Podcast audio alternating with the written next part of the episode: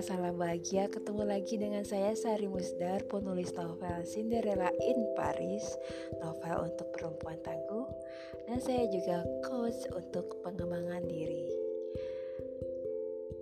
Kali ini saya mau membahas tentang empat Apa sih empat? Teman-teman pernah nggak ngalamin saat berada di tempat yang banyak orang terus begitu sampai rumah ngerasa capek padahal nggak ngapa-ngapain. Atau saat di kendaraan umum atau tempat yang banyak orang terus seperti merasakan tiba-tiba sedih atau marah atau kesel atau uh, bersendawa. Nah itu yang saya rasain ya. Kalau ada di tempat umum atau misalnya di KRL itu yang saya alami apa sih empat empat itu adalah orang yang sangat peka terhadap energi atau juga getaran atau vibrasi yang ada di sekitar dia. Bisa berupa pikiran atau emosi. Kebanyakan sih emosi kalau saya ya.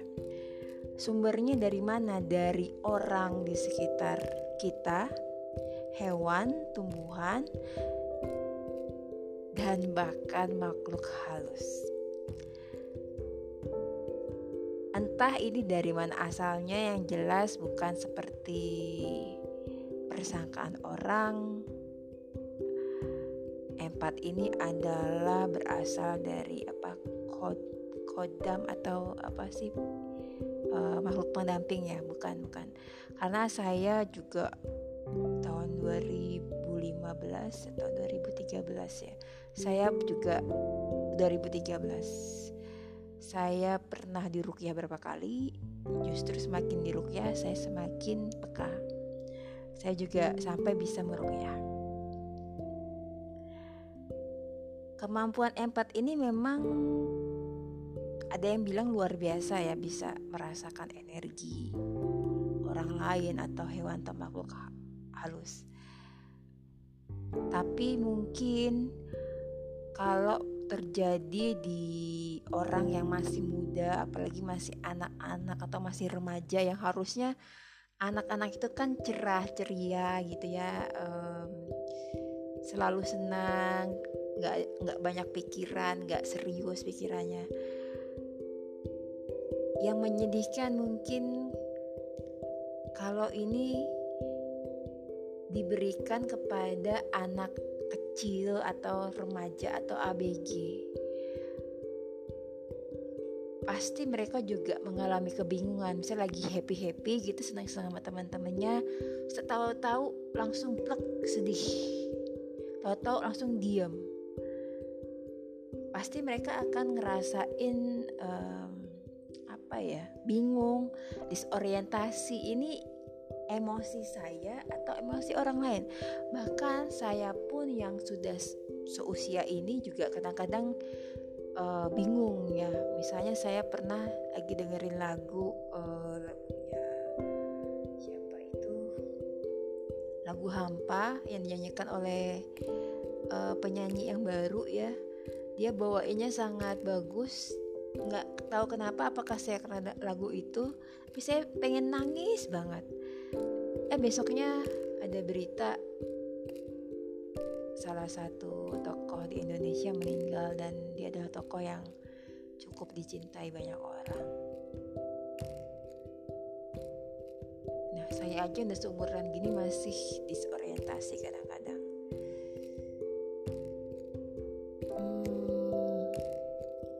Terus apa sih manfaat? Empat?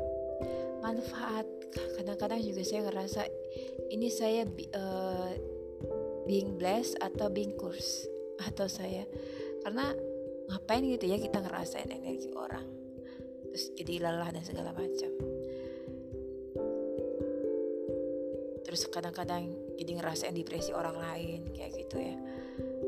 Mungkin manfaatnya karena bisa ngerasain energi orang. Begitu orang curhat ke kita karena kita bisa merasakan emosinya tuh seperti apa persis seperti emosi yang dia rasakan. Reaksi kita tanggapan kita saran kita seperti yang mereka harapkan. Oh ya saya ngerasa empat itu tahun 2015 dan saya bukan self proclaim self declare tapi tahun itu saya bertemu berkenalan dengan teman kakak saya. Uh, beliau sudah lama uh, sebagai empat uh, dan punya kelebihan kalau beliau juga bisa merasakan energi alam. Terus menurut beliau sih saya uh, punya six sense. Dan belakangan ini saya juga baru sadar ternyata itu adalah empat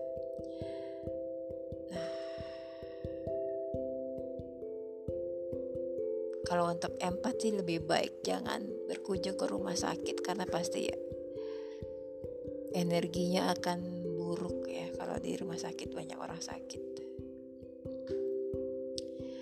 Nah, kira-kira udah mulai ngerasa nggak nih? Jangan-jangan gue empat nih. Nah, ini uh, saya mau bagiin 12 ciri empat ya. Bisa dicek. Yang pertama adalah Empat itu tahu ketika seseorang gak jujur. Bukan berarti dia bisa baca pikiran orang, tapi karena merasakan energi orang yang jujur atau enggak itu beda. Tapi kelemahannya kalau yang nggak jujur itu adalah orang terdekat yang biasa dipercaya. Kadang-kadang empat juga mengabaikan intuisi mereka. Saya pernah ngalamin ini yang kedua, empat uh, punya kepercayaan kuat pada kemanusiaan. Empat itu secara alami dia adalah seorang filantropi, filantropis, uh, pecinta kemanusiaan, percaya pada potensi bahwa semua manusia ini dia masih berbuat baik untuk mengubah dunia. Kedengarannya kan terlalu wow gitu ya uh, mungkin orang akan yang gak empat yang biasa-biasa aja akan ngerasa ini lo resek banget sih ya terlalu idealis atau gimana? Karena ya kebanyakan orang empat itu punya unconditional love. Yang ketiga empat bisa tiba-tiba tuh dideketin orang yang nggak sebenarnya nggak terlalu kenal atau baru kenal 5 menit out of the blue gitu. Tiba-tiba langsung nyeritain curhat masalah mereka. Menceritakan the darkest side of their self. Padahal kita kadang-kadang saya juga kadang bertanya-tanya ini orang nggak ngeri apa ya menceritakan uh, hal yang sangat uh, mendalam hal yang sangat kelam di dalam hidupnya ke orang yang baru dikenal 5 atau 6 menit sebelumnya ya karena orang juga bisa ngerasain si energi empat itu bisa dipercaya. Yang keempat eh, biasanya orang empat ini sering capek sering lelah. Dan itu nggak bisa dijelaskan. Ini capeknya karena apa sih? Padahal ya uh, kita nggak ngelakuin hal-hal yang berat di hari itu. Kadang-kadang buat orang empat tuh bersosialisasi atau bertemu banyak orang agak menyulitkan buat seorang empat karena habis itu dia akan kehabisan energi. Apalagi kalau ketemu vampir energi. Empat biasanya lebih rentan orang-orang yang serangan spiritual. Nah, ini untuk yang kayak gini sebenarnya orang empat harus belajar untuk bikin sheet, membuat tameng atau membuat bubble virtual untuk melindungi dirinya. Saya juga masih belajar sih. Yang kelima, empat biasanya senang atau butuh akan kesendirian. Kenapa sih? Karena setelah menyerap energi orang yang gak, gak semua energi itu kan bagus ya. Banyak kan energi negatif energi kemarahan kesedihan kecewaan sakit. Itu adalah energi negatif. Empat dia butuh untuk mengisi ulang baterainya. Jadi mesti sendiri entah itu hanya di rumah dengerin musik dan lain-lain. Yang keenam empat adalah pendengar yang sangat baik. Kenapa sih empat jadi pendengar yang sangat baik karena orang empat bisa merasakan energi orang yang lagi curhat di depannya.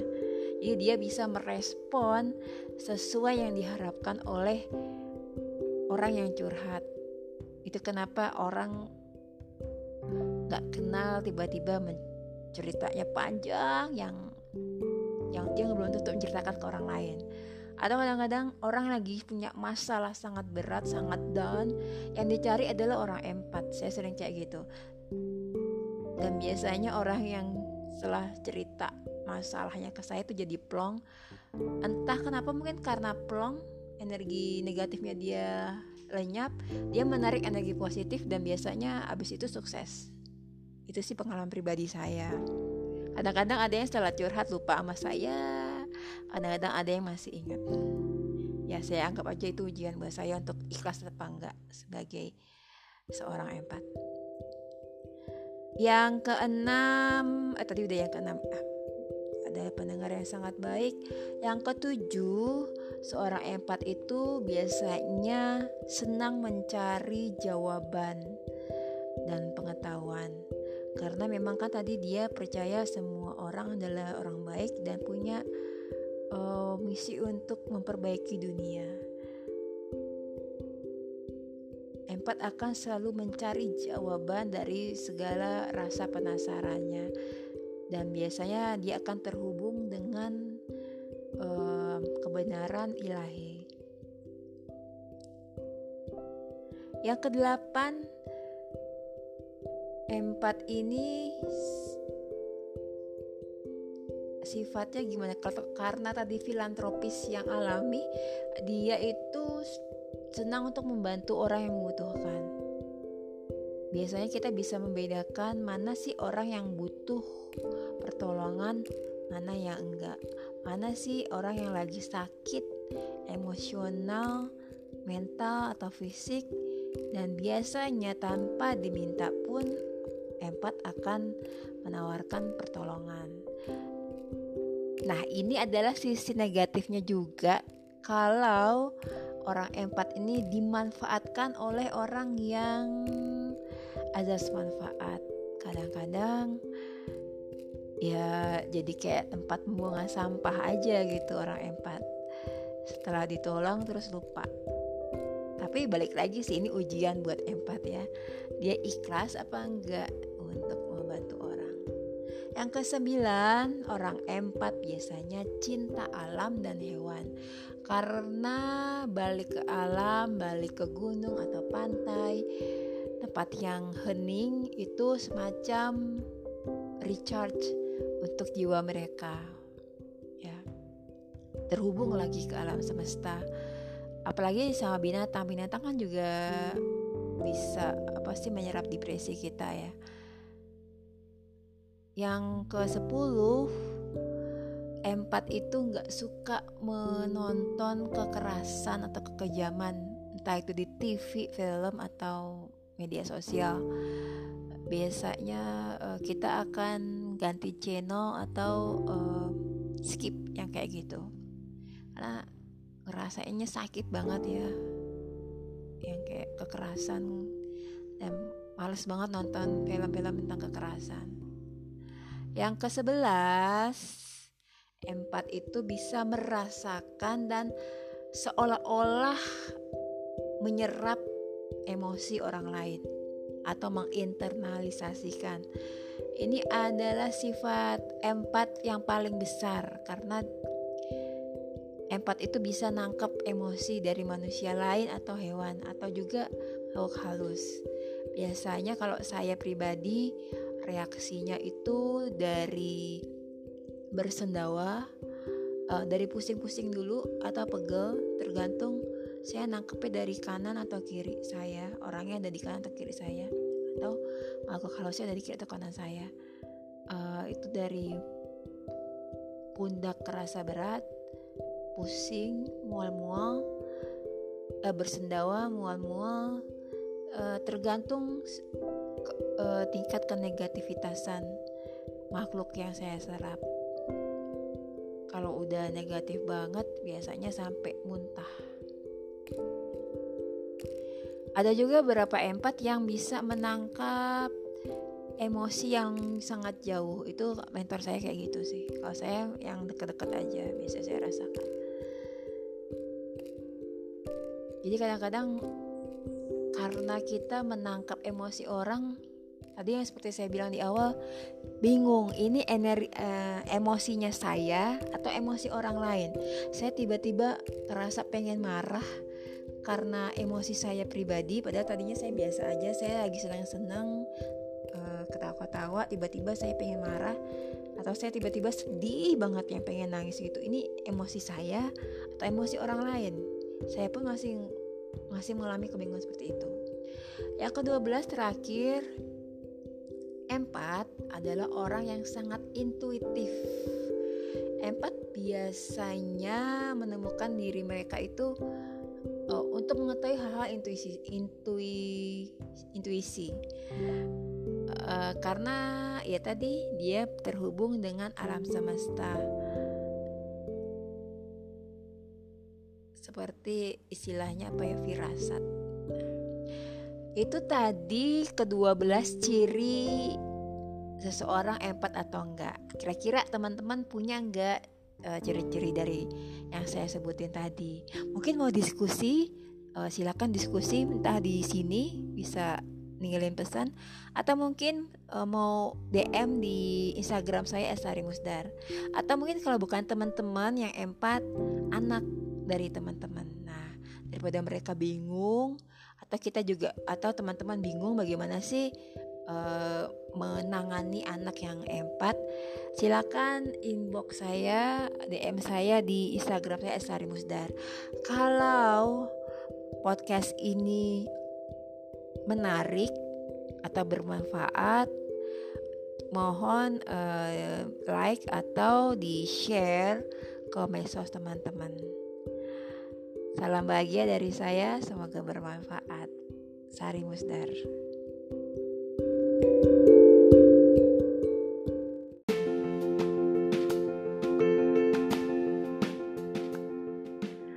Hola, salam bahagia. Saya Sari Musdar, coach pengembangan diri dan juga penulis novel bestseller Cinderella in Paris novel untuk perempuan tangguh.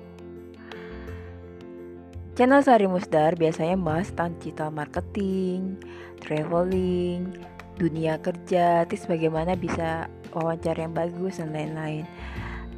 Tapi belakangan ini saya banyak membahas tentang empat, tentang self love dan juga pengembangan diri. Termasuk juga astrologi dan pacu atau ditulis bazi. Kali ini masih dengan tema empat saya mau membahas tentang apa sih empat itu atau kalau di luar negeri banyak digunakan istilah di negara maju highly sensitive people atau highly sensitive person HSP. Salah satu alasan saya akhirnya berani menyebut terang-terangan bahwa saya adalah empat. Saya menggunakan hashtag empat di medsos karena pernah ada satu orang yang hanya kenal saya di Facebook lalu dia menyebut saya baper. Padahal uh, awalnya adalah dia menulis komen yang ngegas di wall saya. Uh, terus saya ingatkan dan dia bilang saya baper. Baper itu bawa perasaan. Padahal saat itu justru saya yang menyerap emosi dia yang sedang ngegas sedang naik uh, komen di satu saya karena saya empat, empat itu adalah sensitif pada energi, bisa manusia, hewan, tumbuhan, dan makhluk halus. Biasanya uh, kak saya kalau misalnya ketemu orang di KRL, MRT, uh, eh, orang itu sedang sakit atau sedang sedih luar biasa, atau depresi, reaksi saya adalah uh, dari yang ringan itu adalah biasanya pegel. Kalau dia ada di kiri pundak kiri saya pegel, kalau dia di kanan pundak saya pegel. Uh, terus lanjut lagi ke leher berat, lalu naik ke kepala pusing, lalu naik ke mual-mual dan kalau sangat uh, energi sangat buruk hingga maaf uh, muntah. Karena itu saya sangat menyaring dengan siapa saya bergaul, dengan siapa saya dikelilingi orang-orang. Termasuk juga di medsos. Kadang-kadang saya chatting dengan orang, uh, dia lagi curhat gitu masalah sesuatu dan saya bisa merasakan jantungnya itu berdetak keras hingga saya bilang eh, eh uh, bentar, bentar bentar bentar tarik nafas deh uh, coba tarik nafas biar nggak terlalu apa jantungnya tuh nggak terlalu berdetak keras atau pas orang lagi curhat uh, suaminya ternyata tiba-tiba kasih undangan untuk dia menikah lagi suaminya. Itu saya bisa merasakan sakit. Sakitnya kesedihan yang luar biasa atau ada lagi teman saya lagi chatting melalui Facebook Messenger. Terus udah lima menit saya bilang mbak mbak uh, ini kepala kirinya lagi pusing ya. Terus dia bilang iya kok tahu? Nah kayak gitu. Itu adalah uh, contoh ya. Uh, beberapa contoh. Oh ya, bersendawa juga. Bersendawa entah itu ada temennya sakit atau dia sedang sangat sedih atau ada makhluk halus yang berenergi buruk. Kalau berenergi positif nggak, begitu reaksinya. Oke, lanjut lagi. Uh, karena saya empat, maka akhirnya saya unfriend. Nah, pasti unfriend, dia mungkin nggak terima juga ya.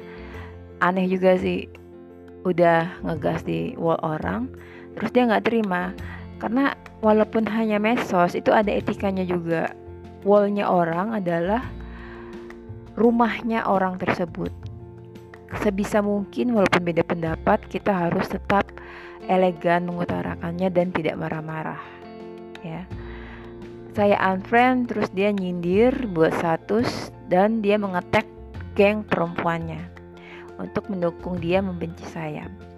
Nah, daripada saya dikirimin screenshotan sama teman saya atau hal yang lain-lain, akhirnya uh, saya putuskan untuk memblok energinya supaya saya nggak menyerap energi negatif dari orang tersebut. Kalau saya menyerap energi negatif orang biasanya ambruk, uh, istilahnya overwhelmed atau exhausted. Bukan saya jadi lemah, tapi saya hanya exhausted. Yang perlu dipahami adalah saya seorang empat atau kalau di negara maju mereka memakai istilah highly sensitive people atau highly sensitive person. Di negara maju pula kalau nggak salah di Amerika Serikat ada doktor di bidang psikologi yang juga so, yang, yang juga seorang empat atau HSP dia menulis buku bagaimana seorang empat atau HSP bisa memberdayakan keempatannya. Kalau nggak salah judulnya uh, empowered empowered empat. Balik lagi ke istilah sensitif. Zaman sekarang sensitif itu punya konotasi buruk. Apalagi di Indonesia ada istilah baper bawa perasaan. Seolah-olah orang yang menggunakan perasaan itu selalu konotasinya buruk. Tidak profesional atau irasional atau sangat drama queen dan lain-lain. Padahal Tuhan sengaja berikan karunia empat ini ke sebagian kecil manusia ciptaannya. Hanya 20%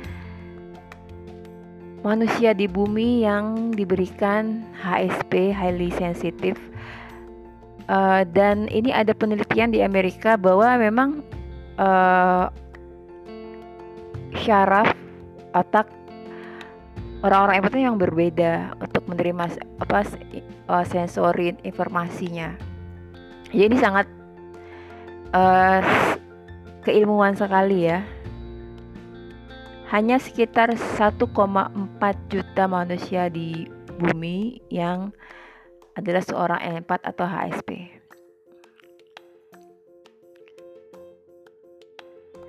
Kalau menurut saya Tuhan sengaja memberikan karunia empat ini ke sebagian kecil manusia supaya manusia-manusia ini bisa berbagi kebaikan. Kenapa sih? Karena mereka bisa merasakan kesedihan orang, bisa merasakan kebahagiaan orang, bisa merasakan keterpurukan orang, sehingga saat ada orang uh, curhat ke dia, dia bisa benar-benar menjadi pendengar yang baik, lalu memberikan solusi atau saran yang bisa diterima oleh orang tersebut. Dan beberapa profesi tertentu memang membutuhkan orang yang sangat berperasaan, misalnya pekerja sosial, volunteer, guru, uh, seniman. Mereka nggak bisa punya perasaan yang datar-datar aja. Jadi istilah sensitif itu nggak selalu ber, berkonotasi buruk mestinya. Di tempat lain di Facebook saya pernah baca komen-komen orang yang memaki-maki memaki-maki dengan bahasa sangat kasar dan kotor tentang suatu partai politik. Yang saya rasakan adalah energi kebencian mereka. Terus saya mencoba mengingatkan, tapi malah saya yang dibilang nggak tangguh jadi orang, nggak tangguh jadi seleb medsos dan lain-lain. Ya menurut saya ngapain sih you put your energy too much to hate something?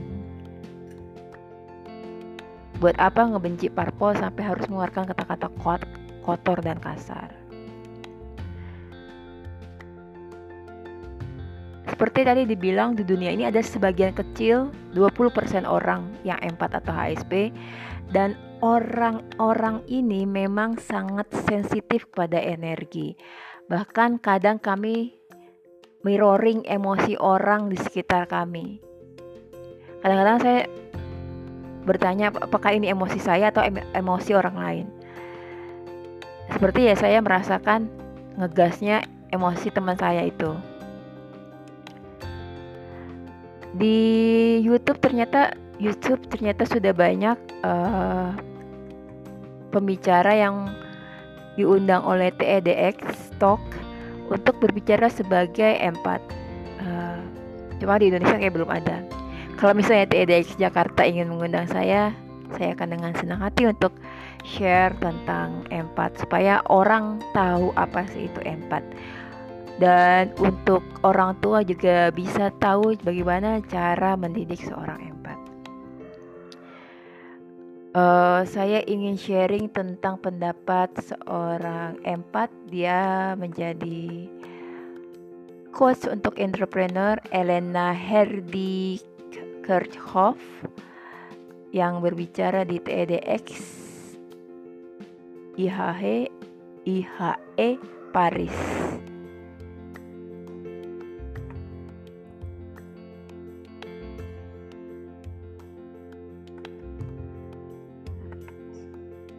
Maybe by now you're wondering what it is like to be highly sensitive. I invite you to imagine living with all of your senses on high alert. You also have a vivid inner world where all of your emotions are magnified. A sadness is a deep sorrow, and the joy is pure ecstasy.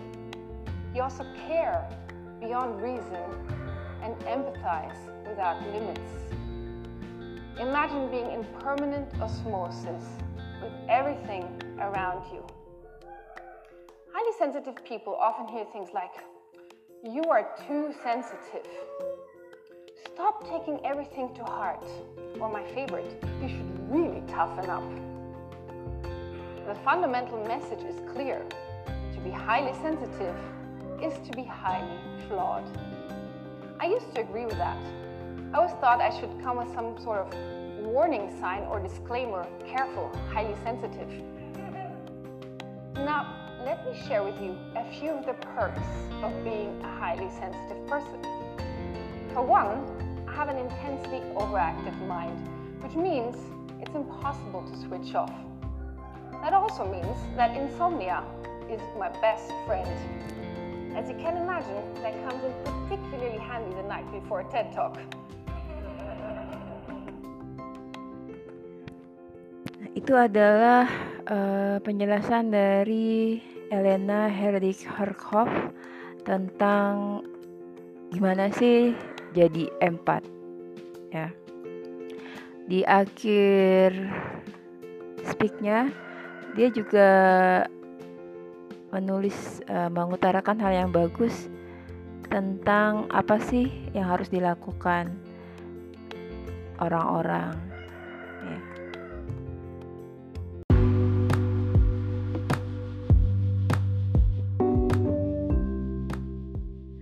Hola, salam bahagia. Saya Sari Musdar coach pengembangan diri dan juga penulis novel bestseller Cinderella in Paris, novel untuk perempuan tangguh.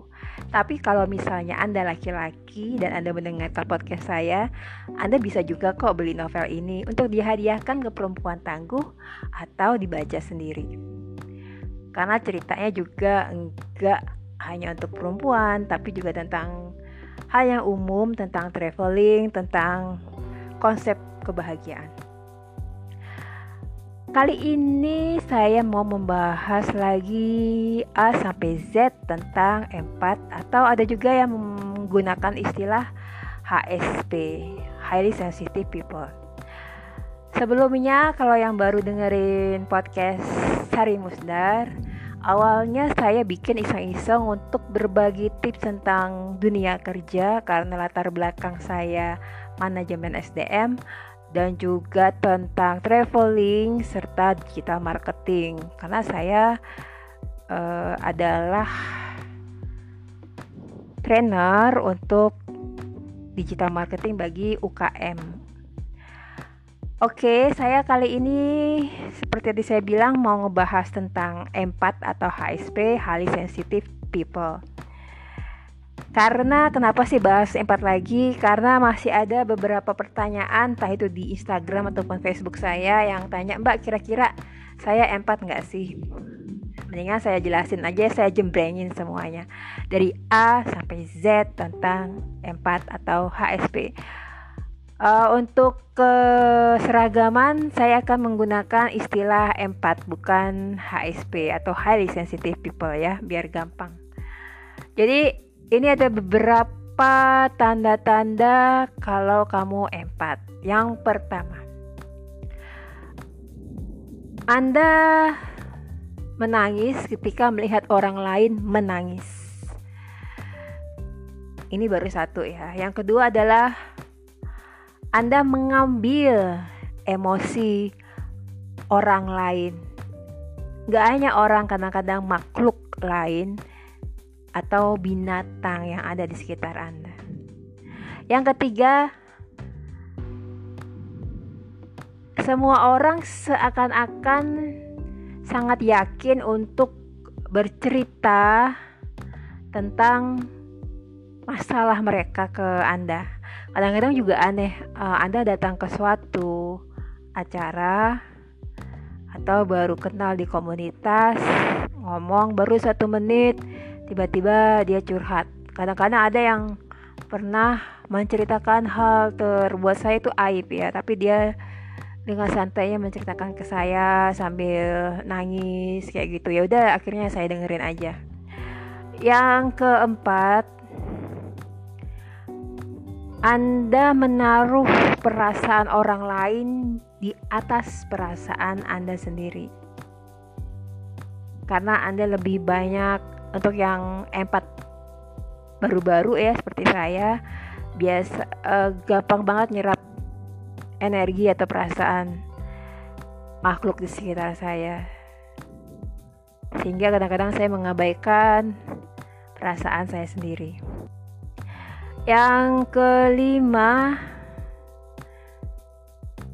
anda mengambil energi negatif orang lain ini kalau belum belajar untuk membangun sheet virtual sheet atau uh, bubble atau seperti tembok ya yang melindungi kita untuk tidak menyerap energi negatif orang.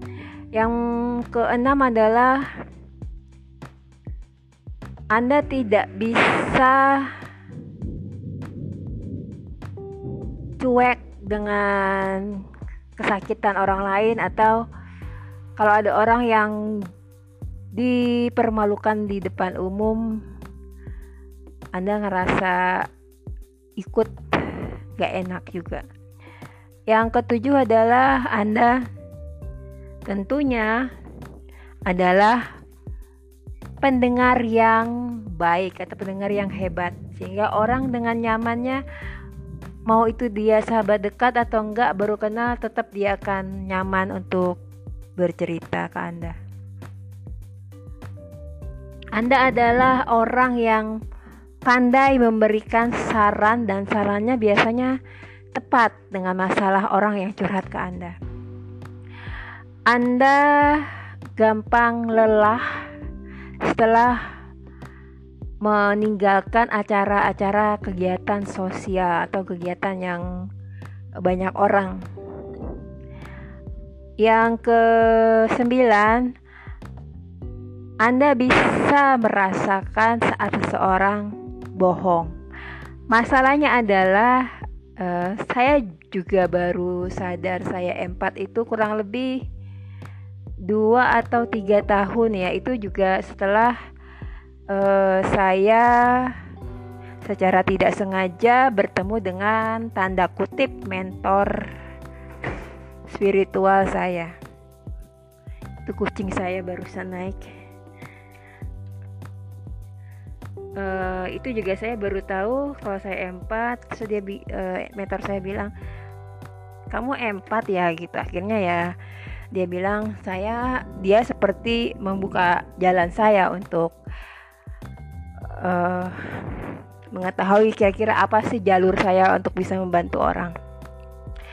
Uh, yang ke 10 tanda tandanya kalau Anda empat adalah Anda sering merasa gelisah dan kewalahan karena merasakan banyak energi dari makhluk lain. Yang ke-11 Anda selalu menjadi tipe orang-orang yang pendukung untuk teman-teman Anda atau keluarga Anda. Yang ke-12 Anda selalu merasa sangat dibut uh, sangat harus untuk menolong orang. Yang ke-13 Anda bisa melihat sesuatu dari berbagai sudut pandang yang dimiliki oleh, oleh orang banyak. Yang ke-14, Anda sudah melewati banyak trauma hidup. Itu yang mungkin kenapa Anda menjadi orang yang selalu didatangi oleh orang lain saat mereka punya problem atau masalah hidup dan biasanya saran Anda adalah sangat bagus. Itu adalah tanda-tanda 14 tanda Anda adalah empat. Dari ke-14 tanda tersebut kira-kira ada nggak sih yang itu adalah Anda? Atau semuanya Anda punya? Nah, kalau misalnya Anda punya semuanya berarti Anda empat. Ada yang bertanya, apakah semua empat adalah introvert? Sebenarnya enggak juga, karena ada juga yang orang ekstrovert tapi dia empat uh, kadang-kadang kami juga mengira kami adalah introvert karena biasanya kan kalau orang introvert itu senang sendirian ya orang uh, empat dia senang sendirian karena itu seperti apa ya uh, merasakan kenyamanan karena tidak menyerap banyak energi uh, dan bisa recharge mengisi lagi energi dengan energi-energi yang baik. Orang empat uh, senang berada di tempat yang nyaman, dia merasa damai, dan dia bisa menjadi ekstrovert saat bergabung dengan eh, orang-orang uh, yang energinya positif atau energinya sama dan orang-orang yang membawa kedamaian. Hal-hal yang memacu seorang empat untuk menjadi gelisah biasanya adalah yang pertama, keramaian. Biasanya saya kalau ada di keramaian, saya pikir dulu tahun 2012 itu terakhir saya kerja di Papua, di Tembagapura, di pedalamannya di gunung. Saya pikir karena saya biasa tinggal di gunung gitu ya. Jadi begitu saya uh, setiap pulang cuti saya ke airport di Cengkareng uh saya tuh ngerasa luar biasa kewalahan gelisah melihat begitu banyak orang. Saya pikir karena itu ternyata bukan. Yang berikutnya adalah yang kedua yang bikin memicu kita untuk menjadi gak nyaman adalah percakapan yang palsu fake conversation. Yang berikutnya, yang ketiga, orang empat nggak suka dengan perdebatan, perdebatan atau perkelahian. Yang keempat, tidak suka diburu-buru. Yang kelima, suara tidak suka dengan suara keras, suara ribut.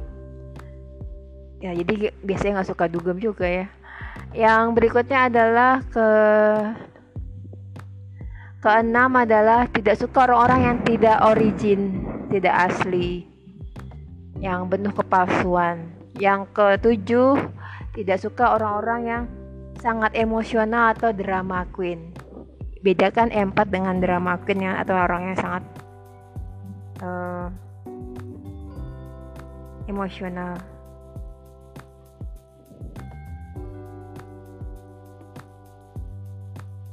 sampai sini ada pertanyaan kalau ada pertanyaan bisa kontak saya di Instagram Esari Musdar atau di Facebook tapi saya biasanya baca Instagram saya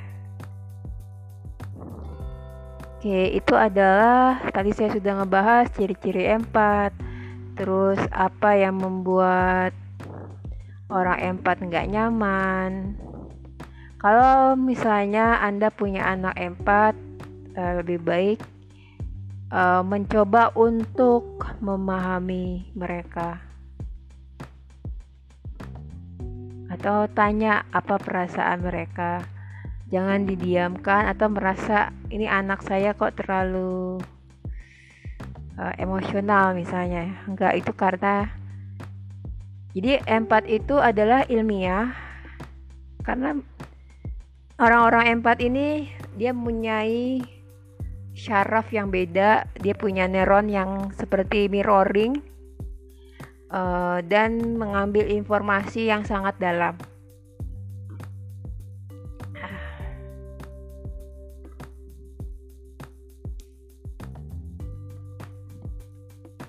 Ini ada beberapa hal yang harus dipahami oleh orang tua atau kakak atau adik yang punya anak atau saudara empat.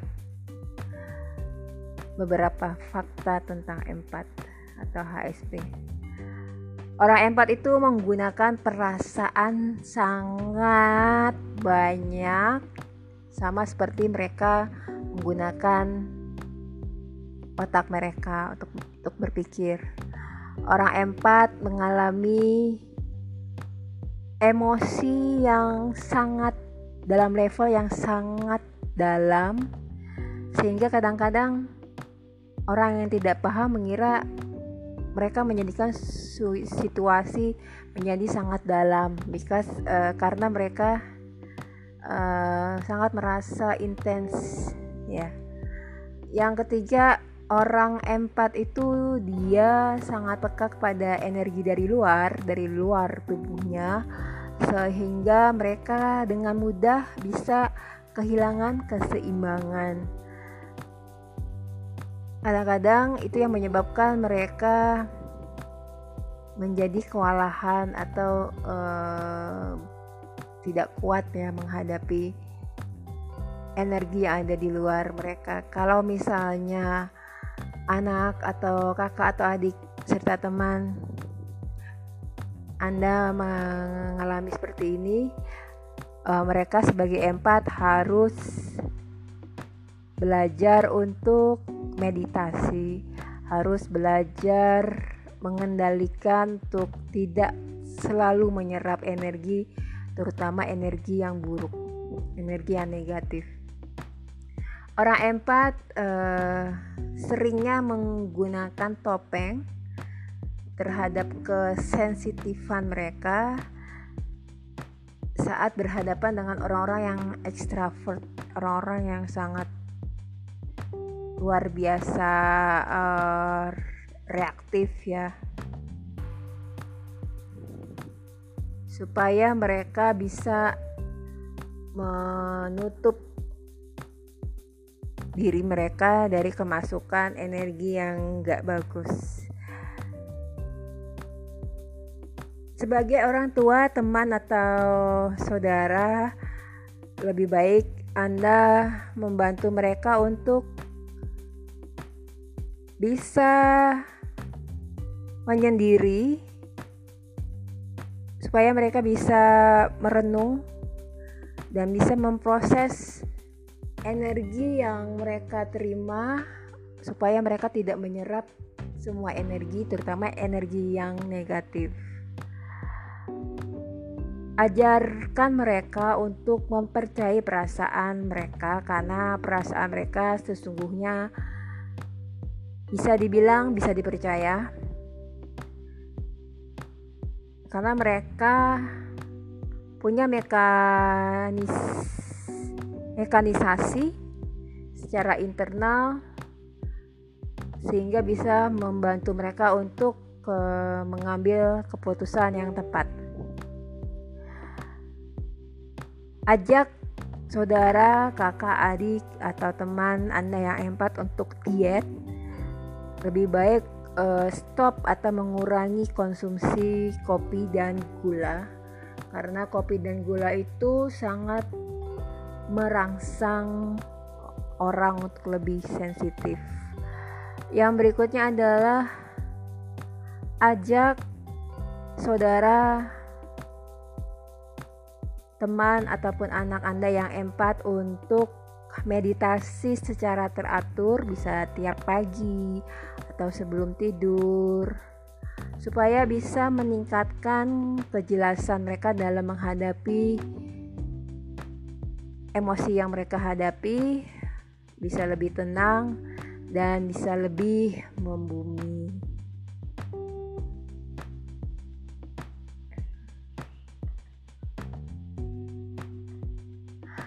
Orang empat itu di dunia kurang lebih ada 20% seperlima dari penduduk bumi kita. Dan kenapa mereka mudah untuk peka atau menyerap energi atau emosi orang atau makhluk hidup lainnya karena mereka punya mirror neuron neurons di dalam otak mereka yang orang lain tidak punya.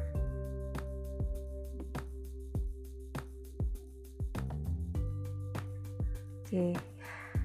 Hal yang biasanya disalahpahami oleh orang-orang yang bukan empat adalah Orang empat sering dibilang uh, baper, bawa perasaan, sangat baper, atau sangat emosional dan tidak rasional.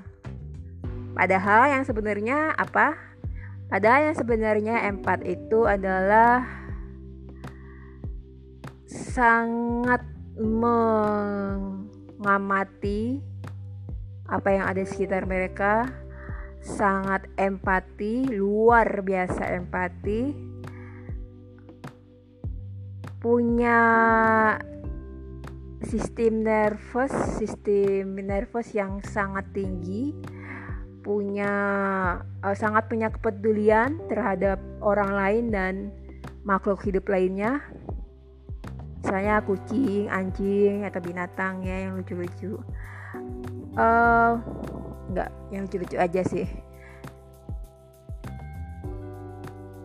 Punya reaksi emosional yang sangat kuat dan merasakan segala hal setiap waktu.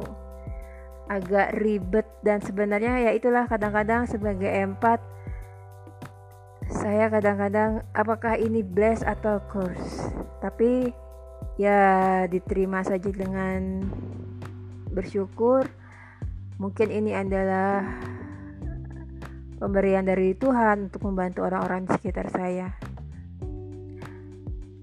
Orang empat nggak hanya emosional, nggak hanya um, peka terhadap emosi dan energi makhluk hidup di sekitarnya, tapi juga punya ciri-ciri imajinatif, sangat kreatif, punya intuisi, pendengar yang hebat, um,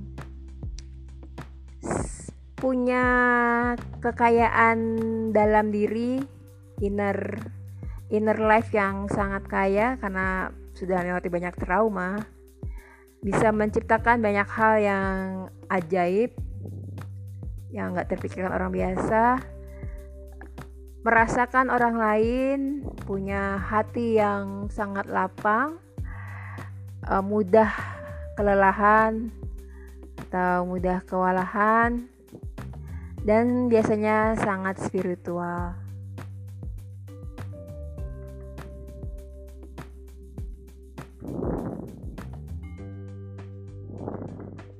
Masih tentang empat. Kalau misalnya orang empat bilang I know how you feel, atau dia bilang gue tahu perasaan lo gue tahu apa yang lo rasakan itu bukan cuma bahasa basi tapi memang betul itulah yang dirasakan oleh orang empat orang empat juga dia bisa menghabiskan waktu berjam-jam atau berhari-hari untuk sendiri dan mereka nggak ngerasa kesepian. Percaya kalau udah ngerasa kesepian mereka akan menghubungi teman-temannya biasanya. Orang empat juga punya kemampuan untuk memaklumi kenapa orang lain tidak bis tidak memahami tentang suatu hal jadi mereka nggak judgmental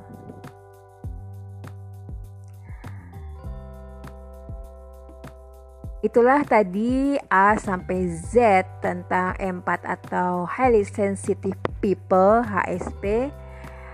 Semoga bisa menjawab kegalauan atau pertanyaan teman-teman uh, yang bertanya anak saya empat bukan ya?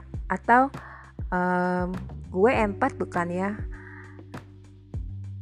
Silakan dijawab sendiri atau dirasakan sendiri. Dan kalau memang ia empat biarkanlah itu ada di dalam diri kita. Karena memang tidak bisa dihilangkan mungkin bisa diabaikan tapi tidak bisa dihilangkan ini adalah satu cara Tuhan untuk membantu dunia jauh lebih uh, lembut ya. Dunia penuh dengan kekerasan penuh dengan kebohongan kemunafikan penuh dengan tipu daya. Dunia perlu orang-orang empat untuk membuat dunia jauh lebih baik untuk kita tinggalkan semoga bermanfaat jika bermanfaat jangan lupa jadikanlah podcast Sari Musdar sebagai podcast favorit kalau ada pertanyaan bisa kontak saya di Instagram saya @sarimusdar. Podcast Sari Musdar bisa didengarkan selain di Anchor, juga bisa didengarkan di Spotify dan lain-lain. Salam bahagia dari saya Sari Musdar. I'm sending virtual hugs to you.